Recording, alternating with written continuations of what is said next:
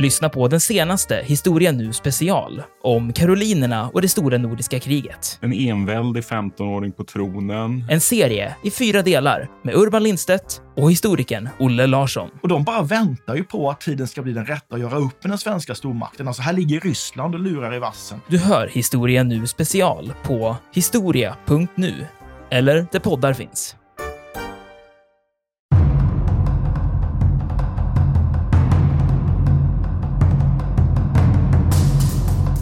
De bygger ju egentligen hela sin ekonomi på att de har alltså riddare som är adelsmän och lever i de europeiska staterna. Så man har, orden är indelad då i ett antal tungor, man har åtta stycken då, tungor.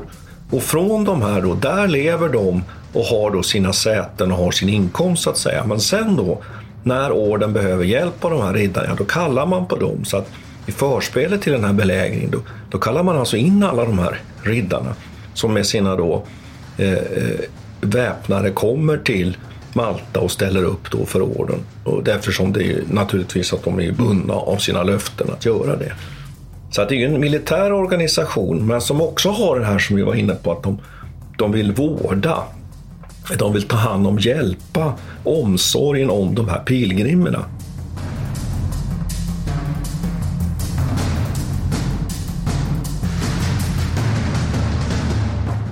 Militärhistoriepodden är podden om krig med människor och samhället i fokus.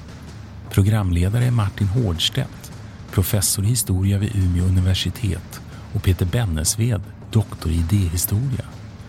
Podden ges ut av förlaget Historiska Media. Stöd gärna MH-podden via vårt swishnummer 123 610 76 68. Märk betalningen med MH-podden.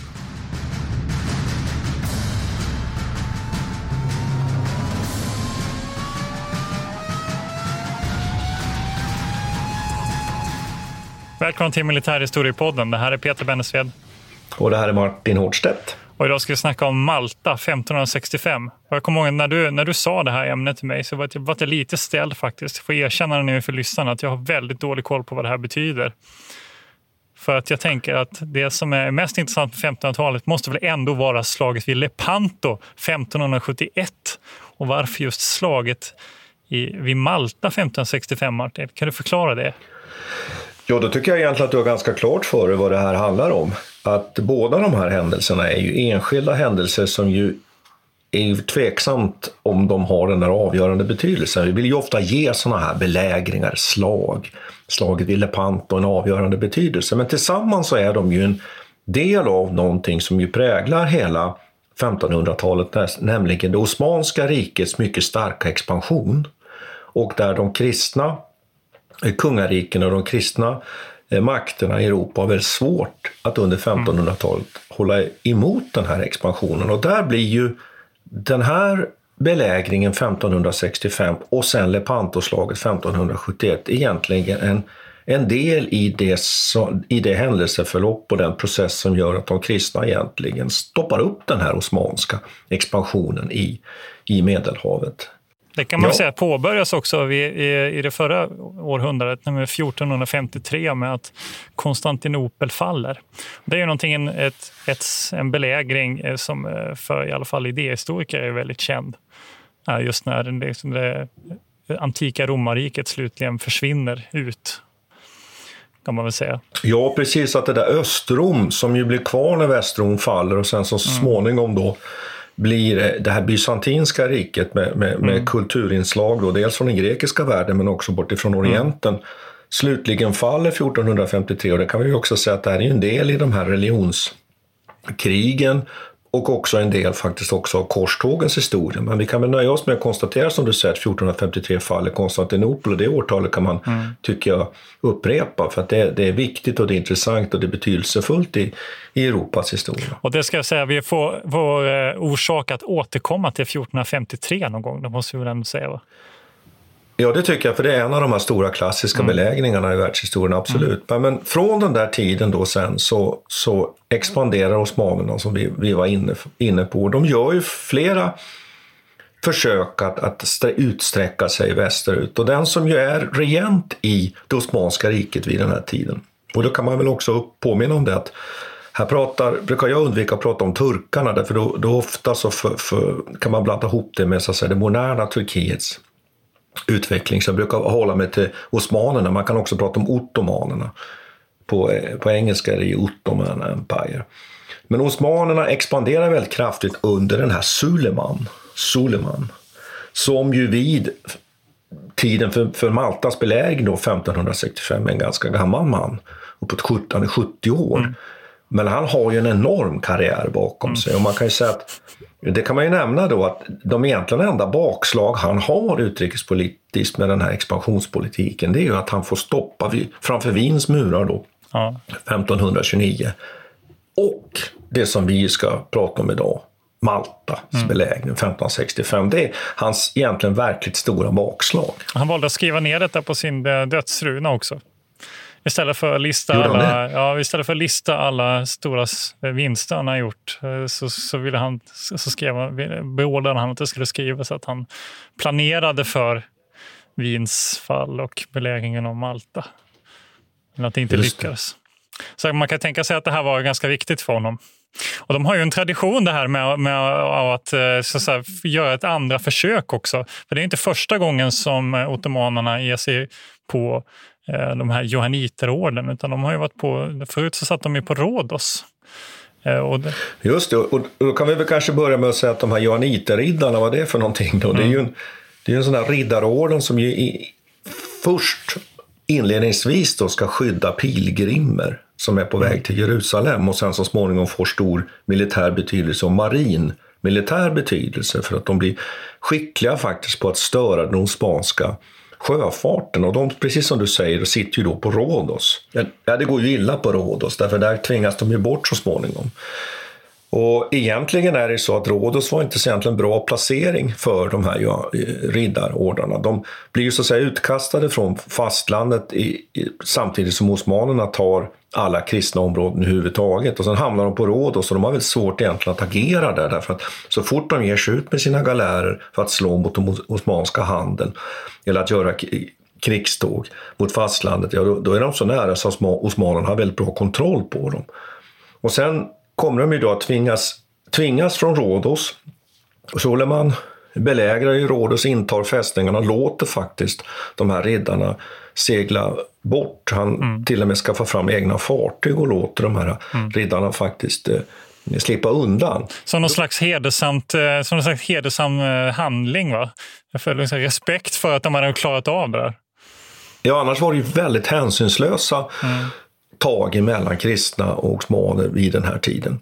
Det var ju ofta eh, summariska avrättningar av, av fienden och så vidare. Mm. Så det ska vi komma ihåg. Men här får de så att säga komma undan med vissa då, som du säger, hedersbetygelser. Och sen får då de av kristenheten, eller framförallt är det då Filip den andre, Karl V förlåt, som ju är den, den starke mannen vid den här tiden i Europa, i Medelhavet, västra Medelhavet, som innehar tronerna både i det som vi skulle kunna kalla idag för Tyskland, Italien och Spanien, som ger då de här janiterriddarna Malta och dit kommer de 1530 mm. till den här karga lilla ön som ju har väldigt små dimensioner. Jag har, har, faktiskt besökt den vid två tillfällen i mitt liv och det är en fantastisk ö på väldigt många sätt. Och inte minst då präglad av den här belägringen historiskt. Då. Mm. Och då kan man väl lägga till att Malta belägras ju faktiskt också en, en gång senare i historien och det, det tror jag att vi definitivt kommer att ha anledning att nämna. Av samma skäl egentligen som att det belägras 1565 och det är under andra världskriget. Och det men, beror ju på att den här du, ön... Men nu missar du en grej här. Ja. Napoleon är ju där också på 1700-talet. Napoleon är där också och det, det, det är alldeles riktigt. och det, det är samma skäl där. 1500-tal, 1800-tal, 1900-tal. Den här ön är strategisk. Ja. Jag tycker vi kan nämna den sen, för, den, för den, är, för den, är, är, den är en intressant jämförelse med det vi ska prata om nu. Så vi tar det på slutet sen. Ska vi snacka lite om det där. Eh, skillnaden mellan, eh, mellan eh, Napoleons belägring och Suleimans belägring eller försök. Just det. Mom deserves the best, and there's no better place to shop for Mother's Day than Whole Foods Market. They're your destination for unbeatable savings, from premium gifts to show-stopping flowers and irresistible desserts. Start by saving 33% with Prime on all body care and candles. Then get a 15-stem bunch of tulips for just $9.99 each with Prime. Round out Mom's menu with festive rosé, irresistible berry chantilly cake, and more special treats. Come celebrate Mother's Day at Whole Foods Market. Quality sleep is essential. That's why the Sleep Number Smart Bed is designed for your ever evolving sleep needs. Need a bed that's firmer or softer on either side? Helps you sleep at a comfortable temperature? Sleep Number Smart Beds let you individualize your comfort so you sleep better together. JD Power ranks Sleep Number number 1 in customer satisfaction with mattresses purchased in-store. And now, save 50% on the Sleep Number limited edition Smart Bed for a limited time. For JD Power 2023 award information, visit jdpower.com/awards. Only at a Sleep Number store or sleepnumber.com. Mom deserves the best, and there's no better place to shop for Mother's Day than Whole Foods Market. They're your destination for unbeatable savings, from premium gifts to show-stopping flowers and irresistible desserts. Start by saving 33% with Prime on all body care and candles. Then get a 15-stem bunch of tulips for just $9.99 each with Prime. Round out Mom's menu with festive rosé, irresistible berry chantilly cake, and more special treats. Come celebrate Mother's Day at Whole Foods Market. Men det som är intressant är att den här ön ligger så strategiskt väl i Medelhavet och att det är så lätt för de här malteserriddarna att gå ut med sina galärer och störa den osmanska eh, handelstrafiken. Eh, och osmanerna kan inte se när de ger sig ut. Det är det som är det förnämliga. Och tar man Malta så kan man alltså ha en flotta baserad där. Och sen då, det är det som är skälet till att Soleman och osmanerna vill ta Malta. Ja, då kan man ha det som en språngbräda för att anfalla då Sicilien, kungariket Neapel, som ju också består, också består av de södra delarna av Italien. Så att det är ju så att säga den stora bilden, det strategiska målet för osmanerna, att ta, varför man vill ta Malta. Så om man tittar lite på, på kartan också ser man ju att eh, Sardinien, och Sicil- Sicilien och Malta bildar ju som en slags mur rakt igenom Medelhavet också. Så att det låser ju så att säga, den västra delen av, av Medelhavet om man, har, om man kan kontrollera de här områdena. Så det blir som en språngbräda ytterligare västerut. Om man då får kontroll på det här. Men om man ska om jag får, får reagera lite på vad du säger nu Martin. Eh, kan man kalla dem bara en slags kristen elitpiratstyrka egentligen? Men de är ju, de är ju förhållandevis små. Eller förhållandevis, de är ju otroligt, det är ju en liten grupp. Ja, de bedriver ju i princip någon slags piratverksamhet bara i, i Medelhavet under den här tiden. Ja, det är klart att de gör det. De lever ju på att de, de tar helt enkelt osmanska fartyg. Ja. Och de sysslar ju med slav, slav, slavverksamhet. Visst. De har mycket slavar på sina egna galärer. Och de, de kämpar ju så att säga av ideologiska skäl mot osmanerna. Mm. Och sen kan man naturligtvis diskutera vad som är religion och vad som är maktpolitik i, sto, i stora hela. Men det är naturligtvis en, det är en riddarorden, det är för övrigt den, den äldsta nu fortfarande existerande riddarorden. Och det är klart att de har hela denna enorma uppsättning av hederskodex och system och organisation. Och det är jättespännande att de, de bygger egentligen hela sin ekonomi på att de har alltså riddare som är adelsmän och lever i de europeiska staterna. Så man har, orden är indelad då i ett antal tungor, man har åtta stycken då, tungor. Varav en då, precis strax in- innan den här belägringen 1565 faktiskt då försvinner, den engelska. Därför att man genomför ju då den protestantiska reformationen i England. Och, och från de här då, där lever de och har då sina säten och har sin inkomst så att säga. Men sen då, när orden behöver hjälp av de här riddarna, då kallar man på dem. Så att i förspelet till den här belägringen, då, då kallar man alltså in alla de här riddarna som med sina då eh, eh, väpnare kommer till Malta och ställer upp då för orden. Och därför som det är naturligtvis att de är bundna av sina löften att göra det. Så att det är en militär organisation, men som också har det här som vi var inne på, att de, de vill vårda. De vill ta hand om, hjälpa, omsorgen om de här pilgrimerna. Och i modern tid sen så småningom så kommer ju att den här riddarorden så småningom att sluta vara en militär organisation. Och istället så kommer det att handla om att de sysslar då med välgörenhet och stöttar svaga och sjuka och äldre. Och det är ju det de gör idag, och det, i modern tid. Och det, de är in, det man eh, egentligen arbetar för under den här tiden är ju att få tillbaka Rhodos också. Så Rhodos bildade ju som en slags mytomspunnen plats som de ville återerövra. Och de hade lite svårt också att anpassa sig i början här och acceptera att Malta skulle bli deras plats. Jag tycker vi kan säga någonting om Malta också. När de kommer dit så bor det alltså 12 000 människor där. Det är, och det är en väldigt liten plats. De är överbefolkade alla redan. Och är helt, egentligen helt och hållet beroende av Sicilien och handeln med Sicilien. Vilket är ganska intressant. Här ser man ett av de första när, de, när Karl V ger eh, riddarordenen Siciliens, eller eh, Malta så, så bildar man också ett slags handelskontrakt mellan Sicilien och Malta så att se till så att de får ett stadigt inflöde av spannmål där för att kunna försörja sig.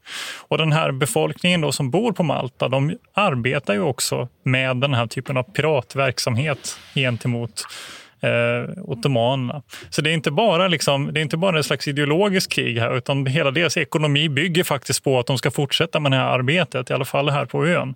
Sen så finns det ju den andra övriga verksamheten som är utspridd över hela Europa. Och jag tycker att när jag läste om det här så tänkte jag på att kan man inte kalla dem något slags, det påminner lite om ett multinationellt företag egentligen i medeltidsmiljö.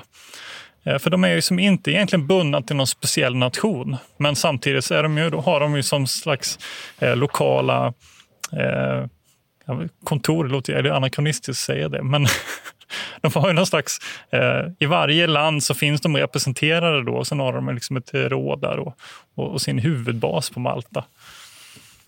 Ja, det är som du säger att de, de enda egentligen legitimitet de har och att, att, så att säga, stöd de har. Dels är det att de är så att säga, registrerade och godkända av påven om man kan uttrycka ja. sig så.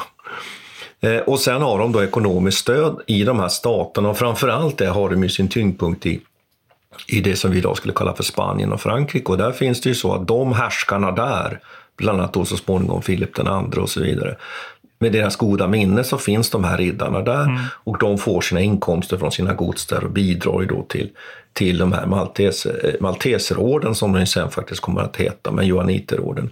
Och det är väl också inte, eh, viktigt att säga här att de, de får ju mycket resurser och pengar och stöd just därför att de ju vid den här tidpunkten är viktiga för kristenheten, att de håller Malta. Det är ju en väldigt svaghetsperiod. Mm. Vid den här tiden så är det ju faktiskt så att och Spanien har ju lyckats faktiskt att tillfoga de kristna ganska förödande nederlag eh, eh, i ett sjöslag då 1560 vid Kärba. Och man har resonerat lite kring att när, när den här flottan då, där är malteserna med, spanska flottan, så varför anfaller inte Spanien direkt då Sicilien och Italien? Då hade de kanske haft chans att nå framgång. Utan istället så väljer de nu att slå ut en belägring mot Malta som tar en massa tid. Mm. Och då hinner då framför allt Spanien så småningom organisera en gruppering som ju kallas för den heliga ligan, den heliga alliansen som så småningom då är den som, som besegrar då osmanerna 1571 vid Lepanto. Så att man kan säga att Malta och johanniterna och den här belägringen är del i ett mycket, mycket större skeende här märker vi ju. Mm. Ska vi säga någonting om den här ön, Malta? Det är ju en, en huvudö och där mm. finns det ju då, riddarna sätter sig ju ner vid det som man kallar för Grand Harbor, alltså den stora hamnen. Och det ligger ju då liksom på det nordöstra hörnet, där finns riddarna. Mm. Och det är ju där La Valletta ligger idag. Mm. Namngivet efter då den som ju är stormästare vid den här tiden, som nu kommer att leda den här belägringen. Jean Parisot de La Valletta. Eh, och sen finns det ju en liten ö norr om Malta också som heter Gozo. Vi kan ju bara nämna det. Och sen finns det inne på så att säga Maltas fastland finns det ju en, en stad som är så att säga de, eh, vad ska vi kalla det för, maltesernas, mm. det maltesiska adelskiktets mm. huvudstad då, som heter Medina. Eh, så att det här tycker jag väl är tre punkter som man då kan mm. ha här. Eh, och vid då Grand Harbor, där, där kan man då säga att det finns som två stora vikar in. Då. Den ena är då så att säga själva Grand Harbor, stora hamnen, och där finns det då två stycken, skulle man kunna säga, små, små halvöar där det då beläget två stycken små städer, befästa städer. Den ena heter Birgu, den som ligger eh, längst mot mynningen och den inre heter Senglea. Och sen mitt emot då de här fästningarna norrut sett så finns det då en höjd som heter Skiberras. Och den höjden, idag åker man idag till Malta och La Valletta så ligger ju Valletta på, mm. på den höjden. Och där längst ute då på den udden där har man då byggt ett fort strax innan belägringen. Vi kommer lite till de här förberedelserna. Och sen norr om den här, den andra viken, den norra viken här då, Marsa Samusketto, den är egentligen den plats som är den bästa att lägga en eventuellt osmansk flotta. Och det är det som man då från de här johanniterriddarnas sida är väldigt rädda för. Att, att där kommer osmanerna helt enkelt segla in mm. och komma väldigt, väldigt nära. Men vi har väl anledning att komma tillbaka till det där alldeles strax. Mm. Vi, vi, ska väl kanske komma in på förhistorien till, till själva belägringen. Ja, hur är det nu med tidshorisonterna nu? Man kan ju, får ju komma ihåg att det var ju ingen som kunde telefonera och ringa och säga att nu är det på gång. Men Nej. de hade ju i princip, vad hade de en vecka på sig förbereda när det kom in eh, korrespondens? Nej de, nej, de hade längre tid därför att det var ju så att man gjorde ett försök faktiskt. Och så redan 1551 så gör man ju ett försök från osmanernas sida och det är den här Dragut som är en sorts, vad ska vi säga, eh, statskapare, statssjörövare mm. som är hyrd av osmanerna. Han anfaller faktiskt Malta med 10 000 man och är där under en, ve en vecka. Det han lyckas göra är att han tar 5 000 fångar på Gozo. Eh, och sen fortsätter han till Tripoli där han faktiskt slå, ta, återtar Tripoli och slänger ut johanniterriddarna från Nordafrika. Men då bygger man 1552 då. Man är ju chockad av den här händelsen då 1551. Man inser att han kommer ju komma tillbaks. Och då förstärker man de här befästningsverken. Så det som man gör då det är att man bygger då framförallt då en, en Sankt Mikkel, ett fort på Senglea, ett av de här befästa städerna inne i den här stora hamnen Grand Harbo. Och sen förstärker man befintliga då befästningar. Den största befästningen på Malta vid den här tiden är Fort Sant Angelo den förstärker man, men så bygger man ute på den här Mount Skiverra, där bygger man då ett, ett litet fort, Fort Sant Elmo, och det kommer bli väldigt betydelsefullt under belägringen. Därför att ska man gå in i den här Marsa Samusketto, där det är så bra att lägga en, en, en flotta, ja, då måste man förbi det här Fort Sant Elmo. Mm. Och det här kommer att spela nyckelroll sen under belägringen och det bygger man då 1552. Och då får man viss hjälp med pengar och resurser då från de här stora västkristna rikena för att göra det här. Och så kan man väl nämna då att jag eh, pratar om den här De Valette, eh, De Valletta. Han blir då stormästare för orden 1557. Så det där är väl, tycker jag, några viktiga grundfakta. Mm. Jag kan, jag kan till, tillägga det att det var på tal också att de skulle eh, bygga ut det här Sankt Elmo och anlägga en stad där redan, redan tidigare.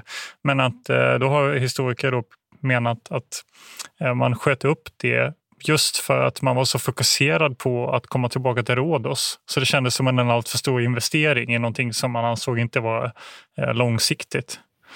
Och, det... Nej, och man inleder ju sen byggandet av den här nya, den, den stad som man så att säga ser idag. Den inleder man ju sen då, åren precis efter mm. den här stora belägringen 1565. För att ja, man inser att osmanerna kommer att komma tillbaka så att mm. säga. Men man kan väl nämna lite bara en sak, skjuta in där då att vad är det för hot man har? Jo, det är ju artilleribeskjutning och det tycker jag är intressant att 1500-talet är ju en period då man, där krigföringen utvecklas väldigt mycket och man börjar ju bygga det som vi skulle kunna uppfatta som, som mer moderna befästningar, alltså bastionsbefästningar. Befästningar som också har skyddade artilleriställningar, så kallade kasematter. Eh, eh, och det är ju det som byggs då, Fort Sant Elmo är, är ett ganska modern fästning då, även om den är väldigt liten och egentligen helt otillräcklig. Men det kan man väl nämna här, det, därför att osmanerna var ju vid den här tiden oerhört skickliga belägrare. Mm. De hade framförallt en enorm artilleripark. Och vi kommer ju sen vid något tillfälle här så kommer ju den här, eh, de här två befästa städerna, då, Singlea och, och Birko, kommer ju utsättas för bombardemang. 65 tunga artillerikanoner. Det är ganska, en ganska massiv beskjutning för att mm. vara 1500-talet. Och du, du var ju inne på 1453 Konstantinopel och sådär. Att, att de var duktiga belägrare, mm. osmanerna. Det tycker jag kan vara viktigt här att komma ihåg. Men jag tänkte också, man kan väl nämna vem är det som får uppdraget här att genomföra den här belägringen? Det är ju ett hedersuppdrag. Man rustar ju en enorm flotta. Man räknar med att ungefär 190 fartyg kommer att segla nu mot Malta. Det här vet ju eh, eh, joaniterna om. De har ju spioner i, i eh, Konstantinopel. Så de får ju veta att den här flottan är på väg då. Och Jo, det är den här Mustafa Pasha som är chef då för hela den här operationen. Och sen finns det då också en, en amiral med. Och de här två personerna då, de kommer sen så småningom att inte vara helt eh, ense om hur man ska eh, anfalla Malta. Och det är det som är den här, vad ska vi kalla det för, då, taktiska eller operativa eh, beslutsprocessen då på den osmanska sidan som sen kommer visa sig bli, de fattar helt enkelt fel beslut. Och han heter Piali, den här eh, amiralen, storamiralen. Han har oerhört goda relationer till Suleiman. Så mm. att den här Mustafa Pasha, han har, med, han har med sig en person som det är lite känsligt helt enkelt att bråka med. Så skulle man kunna uttrycka mm. det. Och det här kommer att visa sig vara mm. eh, helt ödesdigert för operationen ur osmanernas synvinkel. Selling a little or a lot? Shopify helps you do your thing however you cha-ching. Shopify is the global commerce platform that helps you sell at every stage of your business. From the launch your online shop stage to the first real life store stage, all the way to the did we just hit a million orders stage. Shopify is there to help you grow. Shopify helps you turn browsers into buyers with the internet's best converting checkout. 36% better on average compared to other leading commerce platforms because businesses that grow grow with Shopify. Get a $1 per month trial period at shopify.com/work. shopify.com/work. Hey, I'm Ryan Reynolds. At Mint Mobile, we like to do the opposite of what Big Wireless does. They charge you a lot, we charge you a little. So naturally, when they announced they'd be raising their prices due to inflation, we decided to deflate our prices due to not hating you. That's right. We're cutting the price of Mint Unlimited from $30 a month to just $15 a month. Give it a try at mintmobile.com slash switch. $45 up front for three months plus taxes and fees. Promo for new customers for limited time. Unlimited more than 40 gigabytes per month. Slows. Full terms at mintmobile.com. Even when we're on a budget, we still deserve nice things. Quince is a place to scoop up stunning high-end goods for 50 to 80% less than similar brands. They have buttery soft cashmere sweaters starting at $50 luxurious Italian leather bags, and so much more. Plus, Quince only works with factories that use safe, ethical, and responsible manufacturing. Get the high-end goods you'll love without the high price tag with Quince. Go to quince.com/style for free shipping and 365-day returns. Men kan man säga någonting om siffrorna också? Eh, de har ju med sig, det är ju såklart det är alltid svårt att prata om det här med, med hur många och så. Eh, men cirka 193 skepp och du sa 190. Eh, och sen, var det, ja. och sen är det mellan 28 000 upp till 40 000 har man väl sagt att de har med sig in här. Och då säger man 28 000 från eh, eh, Turkiet eller det området. Då. Och sen så har man med sig ytterligare 12 000 från norra Afrika som sluter upp.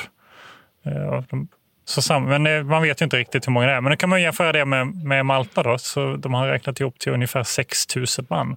Och då är det bara ja. 500, vad du hittade, 540 eh, riddare. riddare. Ja. Och det, det, är väl egentligen den siffran som är mest exakt kan man säga. Jag vill bara kommentera och säga att man är väldigt osäker på hur många osmanerna har på plats. Alltså allt mellan mm. 25 000 och 40 000 hittar man i litteraturen. Ska vi komma åt den här Dragut som jag nämnde här, mm. den här eh, statssjörövaren som jag kanske lite nedlåtande kallar honom för. Eh, han kommer ju sen att ansluta till den här eh, belägringen så småningom och det kan man väl nämna redan nu att han, han stupar ju faktiskt under den här belägringen. Han får, eh, får, får en eh, artillerikula på sig helt enkelt. Jag tror han får splitter, Nej, 540 på sig. Han, han, dör faktiskt av splitter, av, sin, av en egen Han dör av splitter, just så är det. Mm. Alldeles riktigt. Mm. Han dör av splitter när han eh, hjälper till att rikta kanonerna. Mm. Och som smäller kanonen helt enkelt i ansiktet på de som håller på att hantera kanonen. Så är det, och då dör han. 540 eh, riddare och sen en massa soldater. Det hinner komma en del soldater. Man kan väl nämna här att den sicilianska vicekonungen faktiskt eh, kommer till Malta eh, Eh, på våren innan belägringen och lovar att han ska komma tillbaks med en stor undsättningsstyrka. Och han lämnar bland annat sin son faktiskt på plats då som en form av pant. Och sen lämnar han då en del, del soldater. Så att det finns då en del soldater och sammanlagt då som du säger 6 000 Mm. och av de här så är det ju 3 000 då som faktiskt är maltesare. Sen har jag sett lite andra siffror också, för lite svårt hur man ska räkna på de här, Mm. till exempel alla slavar som finns. För de behöver man ju hela tiden Mm. ha kontroll över för att inte de ska vända sina vapen mot malteserna, riddarna. Och sen är ju frågan lite hur man ska se på värdet av de här lokalbefolkningen. Och man övar ju de här till exempel skytte, de får skjuta, får skjuta tre stycken skott och öva då och sen vill man spara på krutet helt enkelt i belägringen. Men, så det är väl jätte, jättesvårt. Sen tycker jag väl en sak som vi kan, kan väl komma in på lite, vad är det nu då för för typ av soldater som de här malteserriddarna kommer möta? Eh, eh, vad är det för typ av uppbåd? Då kan vi väl nämna det att, att omkring 6 000 av de här soldaterna som kommer till Malta är ju janissarer. Och det är ju ett osmanskt elitförband.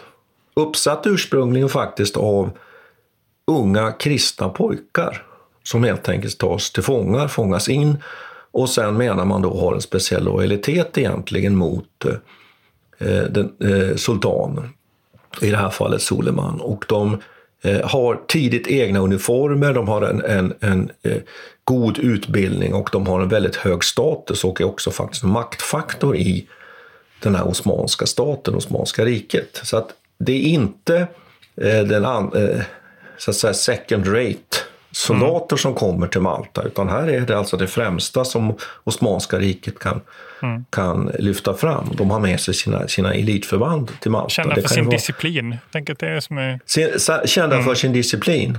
någonting som vi tidigare har diskuterat som är rätt avgörande i sådana här sammanhang. Vi har pratat om eh, i tidigare avsnitt.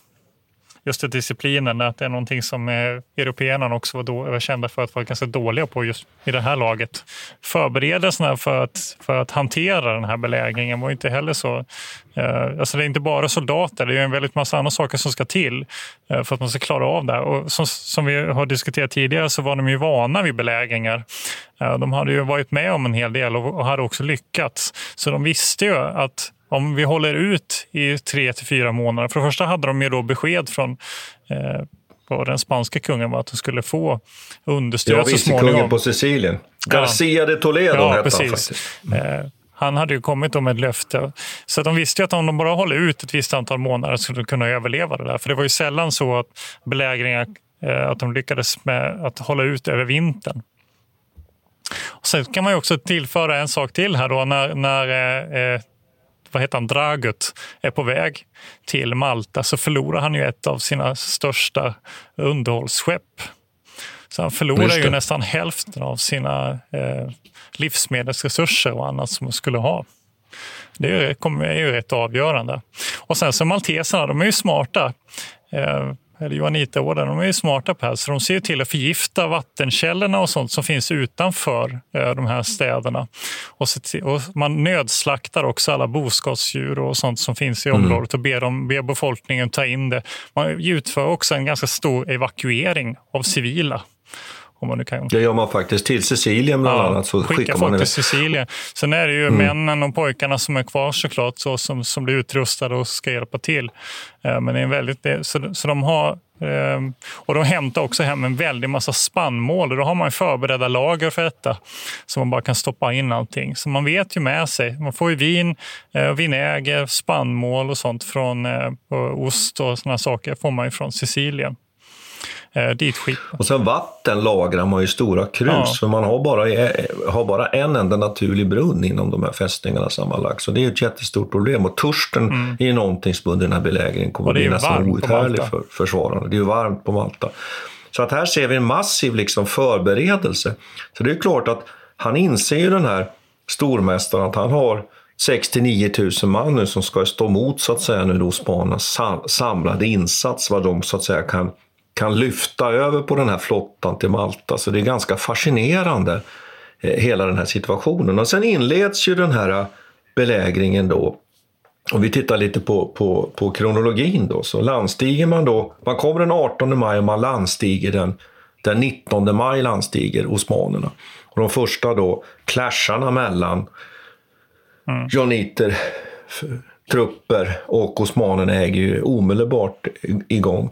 Och här nu direkt egentligen kan man ju säga att belägringen i någon mening faktiskt avgörs.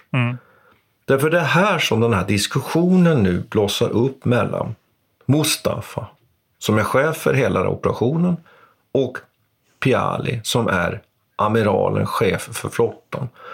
För Piali han säger så här, jag vill inte gå in på något annat ställe än det här viken. Eh, därför att det är det som är säkrast med min flotta. Det kommer snart att komma orkanvindar som är väldigt farliga och jag är rädd för att flottan kommer att sjunka. Och det där var inte liksom som någonting som att han var skraj i onödan utan det var faktiskt ett faktum. Däremot så föreföll han helt omedveten om att de här vindarna kommer liksom komma under den här tiden, vid den här tidpunkten på året. Och Mustafa som vågar inte motsätta sig det här. Jag menar, han är inte specialist på, på sjöförhållanden och mm. sjökrigföring utan han accepterar det här. Och därför blir det så här att flottan går då först in i den här viken Sirocco som ligger på sydkusten, alltså söder om eh, Birgo Senglea där, där huvudfästningarna finns, riddarnas huvudfästningar. Och sen så inleder man med att försöka nu då se till att man kan gå in i den här Boschettoviken. Och vad måste man då göra? Jo, då måste man anfalla och ta den här lilla fästningen, nybyggda fästningen Sant Elmo som finns ute på spetten då Skibberra-höjden. Och det här kommer ju att visa sig vara ett, ett, ett, ett enormt misstag därför att det blir mycket svårare att ta den här fästningen än vad man hade trott. Man trodde det skulle ta några dagar. Och tiden går, man kastar bort en massa militära resurser. Istället för att göra det som Mustafa hade velat göra, att man liksom tar sig in över land, tar Medina, stänger av, helt enkelt lägger flottan som blockering så att malteserriddarna inte kan få någon, någon förnöden och förstärkningar utifrån. Och sen anfaller man helt enkelt Senglena och Birgo söderifrån. Mm. Och sannolikt är det väl på det sättet att det där hade ju haft mycket, mycket större möjlighet mm. att lyckas än den plan. Så att det som första som inleds här nu då, det är helt enkelt en, en kamp om det här fortet, mm. Sankt Elmo, längst ut på Skibera-höjden. Och det här läget som du målar det... upp här nu, det betyder ju också att de kan eh, Johanniterorden kan också ge understöd till Sankt Elmo över vattnet. På, Precis. Och, mm, och det, man kan väl också Ja, man kan väl också nämna här lite att, att mellan de här, de här två befästa städerna då, i södra delen av, av, av den stora hamnen då, mittemot Skibberrahöjden och Sankt Elmo, där har man ju också spänt en stor kedja och man har också en, en bro, så där kan man understödja varandra. Alltså mm. Alltså anfalls, anfalls Singlea, då kan man skicka trupper över från Birge och tvärtom. Och här nu då så kan man åtminstone tills osmanerna börjar stänga av vattenytor helt enkelt med beskjutning så kan man skicka ändå en del trupper över vattnet även om den ju möjligheten så småningom försvinner. Så att Lavalette han inser ju det här och skickar ju till Sankt Elmo då personer som han verkligen litar på. Så man kan ju säga att de riddarna som sätter sig på Sankt Elmo, det vet de ju om. De är ju i stort sett egentligen dödsdömda. Mm. Och det är 1500 man så småningom som kommer att slåss och faktiskt dö där. Det kan man nämna direkt. De enda som överlever belägnar Sankt Elmo. Därför att osmanerna kommer att den 23 juni sen så småningom att faktiskt ta Sankt Elmo. Det är bara nio riddare som överlever. Mm. Alla andra dör. Och de är ju fångar också. Eller de är ju skadade. Är de ligger ju i, på, på sin sjukbädden allihopa. Det var ju cirka... Allihopa. Ja. Så det är otroligt dramatiskt. Så att man kan säga att från då maj till juni, nästan en månad, kastar osmanerna bort om man uttrycker sig så. Mm på att försöka ta då Sankt Elmo som visar sig då bita ifrån mycket mer vad man hade räknat med. Och det är ju där då som Dragut stupar också bland annat som vi nämnde här. Eh, och man kan väl också säga så här då att, att eh, när man sen då inser och har tagit då Sankt Elmo inser eh, eh, att nu har tiden gått. Då har man också förlorat, vilket också är viktigt, hälften av de här janitjartrupperna stupar faktiskt i de här anfallen. Man räknar med att osmanerna de förlorar 6 000 man på att ta, ta den här Sankt Elmo. Och man kan ju tänka sig hur de här, de här striderna måste utkämpas. Det måste mm. ju ha varit ett fruktansvärt blodbad. Mm. Och längst ute på udden. Och har man varit i La Valette så vet man att det är ett ganska litet område dessutom. Mm. Och sen börjar man då med anfall mot de här två befästa städerna och då börjar man med att anfalla Singlea faktiskt den 15 juli och det är lite intressant. Därför att då försöker man göra det över vattnet faktiskt, med båtar. Anfalla liksom från båda sidor. Man anfaller från land och man anfaller från vattnet mm. mot de här Singlea befästa eh, eh, städerna. Eh, men det här lyckas riddarna då hålla emot. Mm lyckas faktiskt genom att man har byggt ett batteri, artilleribatteri precis nere vid vattenytan. Och där kan man då så att säga blåsa av, bort de här osmanska anfallet längs med vattenytan på ett, på ett väldigt brutalt sätt. Eh, och sen kan man då säga att då fortsätter då den här kampen om de här två befästa städerna nu egentligen och, och med beskjutningar och anfall från osmanerna. 7 augusti till exempel så, så gör man ett dubbel anfall mot Birgu och Senglea, nytt anfall 19-21 augusti och så pågår det så här. Och det är klart att Johanniterorden är ju, är ju nere på knä vid det här mm. laget. Eh, men samtidigt också ska man ha klart för sig att för varje vecka som går, för varje dag som går, så kan man väl säga att det är klart att Johanniterriddarna och försvararna har blivit naturligtvis mer och mer förtvivlade, men de inser ju någonstans att tiden är ju ändå på vår mm. sida i någon mening här. Därför att det är ingen som förväntar sig att vi ska klara av att hålla ut. Men för mm. varje vecka vi håller ut, desto större problem kommer det bli för osmanerna mm. att kunna underhålla tids, sina trupper. tidshorisonten från början är ju flera månader. Det är inte så att man räknar med att det här kommer att vara över på en vecka. Eh, Nej, så. det förstår man ju kanske. Man har ju gått in med den inställningen omgående att det här kommer vara till september. Eh, om vi ska överleva. Men ändå så, ändå så kan man ju säga att för varje vecka som går så, så, så får osmanerna större och större problem. De börjar tappa mer och mer liksom sin stridsmoral. De mm. har dysenteri mm. i sitt stora härläger eh, och så vidare. Den här stora vattenkällan man... de hade också eh, var ju, hade johanniterna hellre arsenik i. Okej, okay, så att... Så de blev väldigt sjuka också. Och väldigt var, sjuka. Ja, och sen eh, fanns det en annan, eh, en, en, liten, en liten sjö eh, där eh, osmanernas eh, marin, eh, vad heter det? Sjöstridskrafter, flottan. Ja, flottan, där de höll till. Den hade de hällt salt i. Eh, på det viset så hade de svårt att få tag på färskvatten. Mm.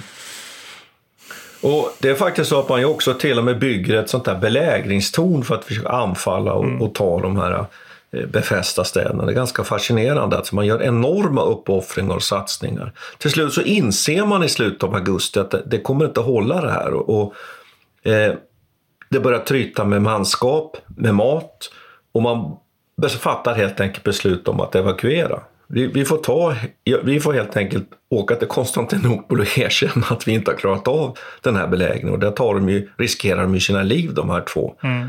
eh, befälhavarna. Och då plötsligt kommer ju Don Garcia med den där evakueringsstyrkan Men här undrar, till Malta. Nu undrar jag Martin, är, alltså, ja. är det sant nu det här om att han seglade in i dimman helt tyst och lyckades landsätta 8000 pers och sen segla iväg igen själv? Nej, nej, utan han landstiger, hur han nu landsteg, med eller utan dimma, så landstiger han då den, ja. den, den 7 september.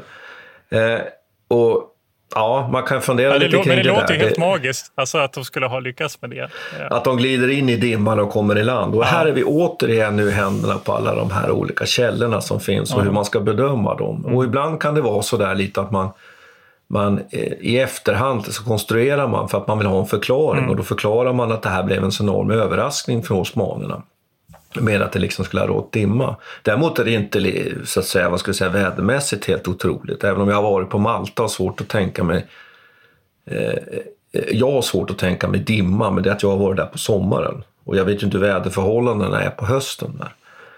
Eh, det som händer då är att osmanerna har ett krigsråd och bestämmer sig för att landstiga igen. Sätta i land en del av den här eh, belägringsstyrkan och marschera upp då mot de kristna. Och då utkämpas ett slag där som osmanerna förlorar. De får hals över huvud helt enkelt fly tillbaka till sina, sina fartyg. Mm. Eh, och man säger att den 13 september då lider osmanerna det här nederlaget på stränderna på Malta. Och då är, är belägringen över. Men hur resonerar de där då? Varför, varför gör de det? Är det? Tänker de då att de lyckas, om de lyckas bekämpa den här expeditionsstyrkan så kommer de knäcka johanniterna, eh, deras moral? Eller vad är, vad är liksom, hur resonerar man kring det? Vill de dö två saker. ärofyllt eller? Ja, för det första tror jag att de tänker så här att om vi besegrar den här eh, truppstyrkan som har kommit då kan man tänka sig kanske att de har någon förråd eller någonting som gör att de kan förlänga belägringen och att johanniterridarna som du säger skulle bli så motstulna så att de ger upp. Eh, men det kan ju också vara den, den förklaringen att vinner man det där slaget då ser det bättre ut när man kommer tillbaka till Konstantinopel och då kanske domen över den här, hela den här operationens misslyckande blir mycket, mycket mindre.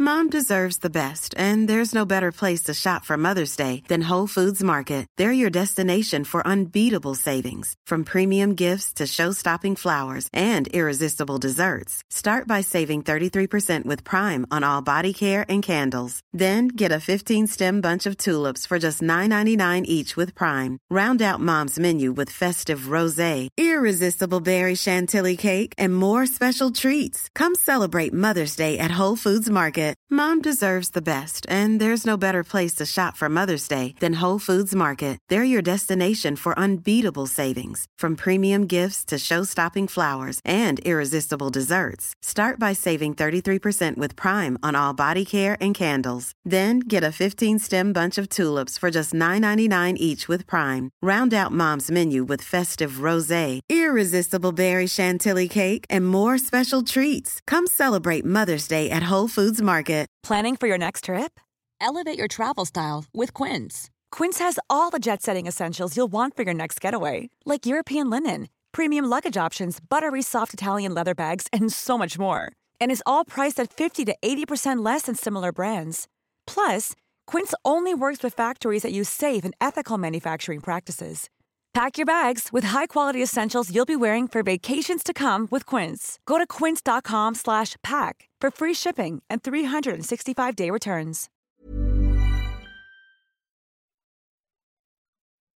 Där slutar den här belägringen och den är ju, den är ju oerhört fascinerande och den, får ju, den ger ju eko sen i hela kristenheten. Mm. På ett, får man väl säga, sätt som väl egentligen helt klart över det är ju en överväldigande reaktion i, i Mm. Europa. Så att reaktionen det blir liksom större och mer överväldigande än vad egentligen kanske den här händelsens betydelse egentligen är. Ja, precis. Man kan ju ställa frågan varför vi ens minns det. För jag menar, det är klart att eh, det är en spännande berättelse det du berättar nu eh, om hur det, allt det här gick till. Och, deras, och Det finns ju många saker som du inte har nämnt. Alltså hur, hur tappert de kämpade, de här riddarna. De bars upp på stolar när de var skadade och satt där på murkanten med sina eh, tvåhandssvärd och viftade liksom in i det sista. Och såna saker. Det, är, det är mycket den där symboliken som lever kvar. Men, men Sen var man ganska överens om att hade osmanerna tagit Malta så hade det inte varit några större problem att ta tillbaka det sen. Så att dess militärstrategiska betydelse verkar inte vara så stor egentligen. Nej, och det är ju en sån där bedömning som, som görs då. Det, eh, att, att hade, som du säger, då hade det ändå varit så att de kristna hade ganska lätt kunnat genomföra en, en motstöt. Å andra sidan kan man ju tänka sig då, om vi nu går på, på det som ju var egentligen bevekelsegrunden eller skälet till att man överhuvudtaget anföll Malta från början, att man hade satt sig fast och att man hade sen då försökt att fortsätta då med Malta som språngbräda att ta Sicilien och ta Mm. södra Italien. Men det är ju egentligen bara de kontrafaktiska diskussioner som är väldigt svåra Mm. egentligen att förhålla sig till. Det vi kan, kan ha klart för oss är att, att de västeuropeiska kristna rikena de är ju på väg uppåt och håller på att organisera sig för att kunna stå emot osmanerna. Och det är det som sen resulterar i det här stora sjöslaget vid Lepanto Mm. 1500. Precis, det är en lång 71. rad av misslyckanden som, eh, som föregår den här belägringen. Så att, eh, det finns ju en, en slags eh, eh, lättnad i att den här lyckan, den osmanska stridslyckan har vänt. Som, är, som de spelar in i det, Det, här. det tror jag. Det tror jag. Jag tror att det är en av de viktigaste sakerna, att man här känner att här kommer en vändning. Och det är väl ofta så det är med sådana här Mm. enskilda Det kan man ju säga händelser. tolv- Däremot kan, Precis. Ja. Sen kan man ju säga att tolkningen av den här Eh, har ju varierat lite beroende på. Jag får påminna om att i Europa pågår ju den här reformationsstriden samtidigt. Eh, och mycket religiösa slitningar mellan protestanter och katoliker. Och nu är ju Johanniteåren är ju en katolskt fenomen. Eh, så huruvida man tolkat det här då, så värdet man har tillskrivit Malta har ju också lite grann berott på vilken sida man har stått där.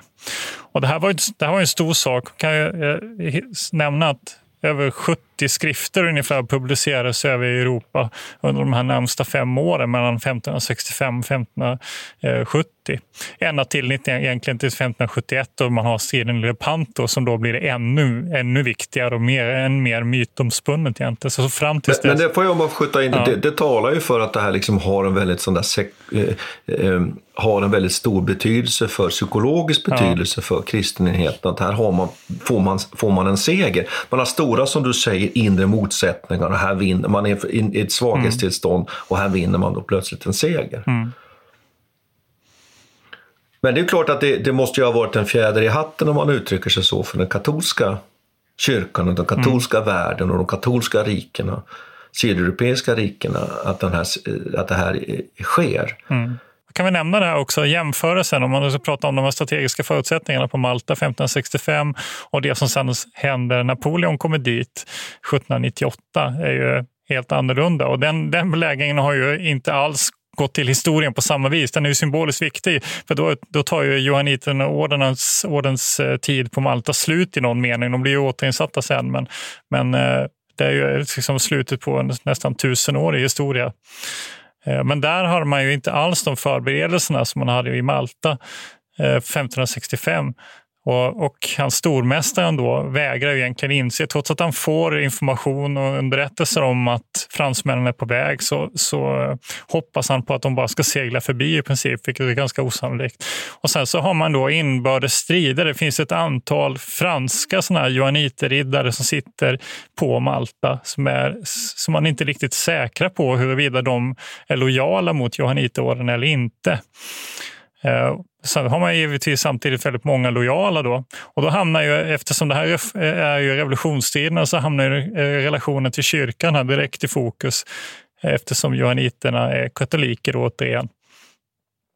Så det har ju också, det har en viss eh, symbolisk betydelse också, men har fått en, fått en helt annan... Eh, där handlar det ju snarare om en, en, en grupp människor som är extremt förlegade och som inte alls är i takt med tiden och som då faller på tre dagar egentligen för Napoleon.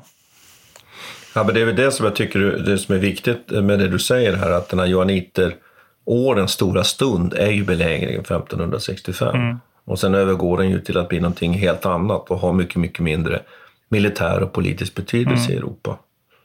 Så är det ju absolut. Eh, man kan väl också nämna att, att, att, som vi var inne på i början, att, att Malta kommer att bli oerhört strategisk betydelse under, få en oerhört stor betydelse under andra världskriget. Och där utsätts ju den här stackars ön, får man ju säga då, för, för tyska bombningar under i stort sett tre år egentligen. Mm. I olika omgångar med olika intensitet. Och eh, det är ju så att den maltesiska befolkningen får ju till och med eh, Victoriakorset sen, kollektivt. Mm. Som tack för deras insatser. Så att det är ju ett prövat folk och man kan väl någonstans reflektera lite över att, att de här adelsmännen som sitter i Medina då 1565, maltesiska adelsmännen, de konstaterar ju bara det att hade de här riddarna inte funnits här så hade vi ju sannolikt inte blivit utsatta för den här belägringen. Så mm de här Johanniterriddarna och andra har egentligen dragit in den maltesiska befolkningen i de här mm. olika förvecklingarna och krigen och katastroferna mm. i, i, någon mening. Sen kan man väl inte komma ifrån att den här ön i sig så att säga är väldigt strategiskt betydelsefull mitt i, i, i mm. Eh, Medelhavet. Mm. du Martin, jag tror vi får säga, jag tror vi får dra ett streck där helt enkelt. Vi... Ja, men ska vi inte... Jag skulle vilja säga en sak till ja, innan vi slutar faktiskt. Ja, och den är ju att man räknar ju med att muslimerna, i det här fallet osmanerna, förlorar då återigen de här siffrorna, kanske 20-30 000 mm. man i den här operationen. Otroligt. Och, och att man stry, stryker med ungefär 7000 malteser och spanska trupper inräknade och 250 riddare, ungefär hälften av riddarna stupar. Så att det är ju en, en oerhört blodig eh, uppgörelse, mm. måste man ju säga. Men vi får kanske nöja oss med det. Ja, jag tror det. kanske kan man väl säga lite nedslående eh, siffrorna på slutet här. Mm. Så får vi, tack ska vi ha. Ja, tack ska vi ha. Peter Bennesved och Martin Hårdstedt. Kontakta gärna Militärhistoriepodden via mail på militarhistoriepodden historia.nu. Peter och Martin vill gärna få in synpunkter och förslag till programidéer.